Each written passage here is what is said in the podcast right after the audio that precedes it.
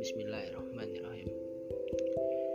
Kawan-kawan yang saat ini sedang mendengarkan podcast ini Dengarkan nasihat ini baik-baik dalam hati.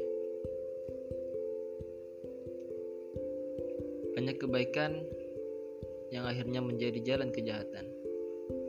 Banyak niat mulia yang berujung menjadi tipu daya Awal mula ingin bermanfaat untuk sesama namun akhirnya jadi ingin yang paling mulia di antara manusia.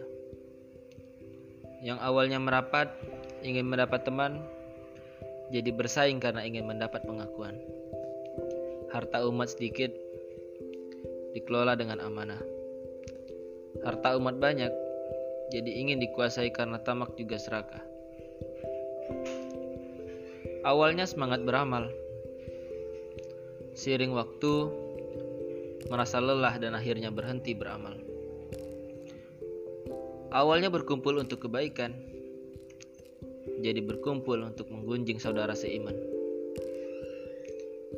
Itu semua adalah godaan para pelaku kebaikan. Jaga niat dan tetap berjamaah. Jangan pernah beramal soleh sendirian, karena setan akan menggoda mereka yang terlepas dari barisan. Salam pesan dari gurunda kita Ustadz Andre Raditya founder Nasi Jumat